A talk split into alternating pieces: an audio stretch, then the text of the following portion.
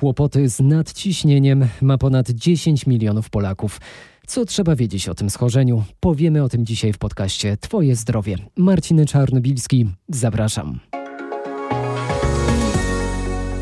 Nadciśnienie nie jest łatwe do wykrycia, bo nie boli. Często pacjent w ogóle nie wie, że ma nadciśnienie, może nie dawać żadnych objawów.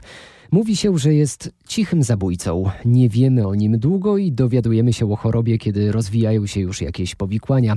Najczęściej pacjenci skarżą się na bóle głowy. Stąd lekarze apelują: regularnie mierzmy sobie ciśnienie. Mierzyć ciśnienie powinniśmy w zasadzie w każdym wieku bo problem dotyczy również dzieci, młodzieży, a no w większości dorosłych, bo można powiedzieć tak, że z wiekiem procent nadciśnienia u pacjentów się zwiększa. U 60-latków już 60%, 60% ludzi będzie mieć nadciśnienie. U młodszych osób ten odsetek będzie mniejszy, no ale niemniej jednak problem dzieci również może dotyczyć młodzieży. A jakie jest to prawidłowe ciśnienie? Prawidłowe ciśnienie jest 120 na 80, ale dążymy idealne. nawet do takich, żeby było 110 na 70. Kiedy powinniśmy mierzyć ciśnienie? Rano, wieczorem? Powinniśmy mierzyć rano i wieczorem na początku terapii wdrażanej, żeby mniej więcej zorientować się, jaki mamy problem.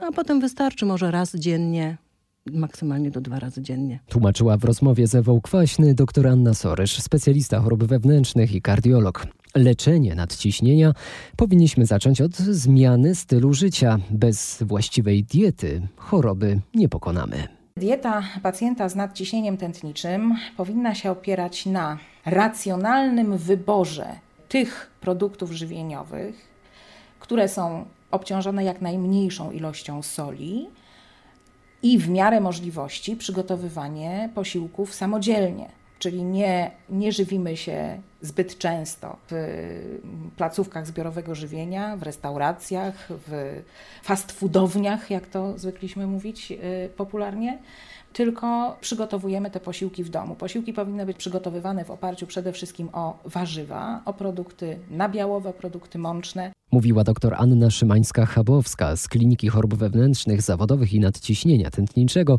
Uniwersyteckiego Szpitala Klinicznego we Wrocławiu. Wiadomo też, że ruch jest dobry na wszystko, również na nadciśnienie. Najlepiej ćwiczyć 30 minut dziennie. Bieganie, rower, pływanie czy Nordic Walking. Stres też ma kolosalny wpływ na ciśnienie. Można je skutecznie obniżyć, gdy zaczniemy żyć bezstresowo. Ale czy tak się da? No właśnie. Co jeszcze może pomóc w walce z nadciśnieniem? Przeczytacie o tym na portalu Twoje zdrowie rmf24.pl.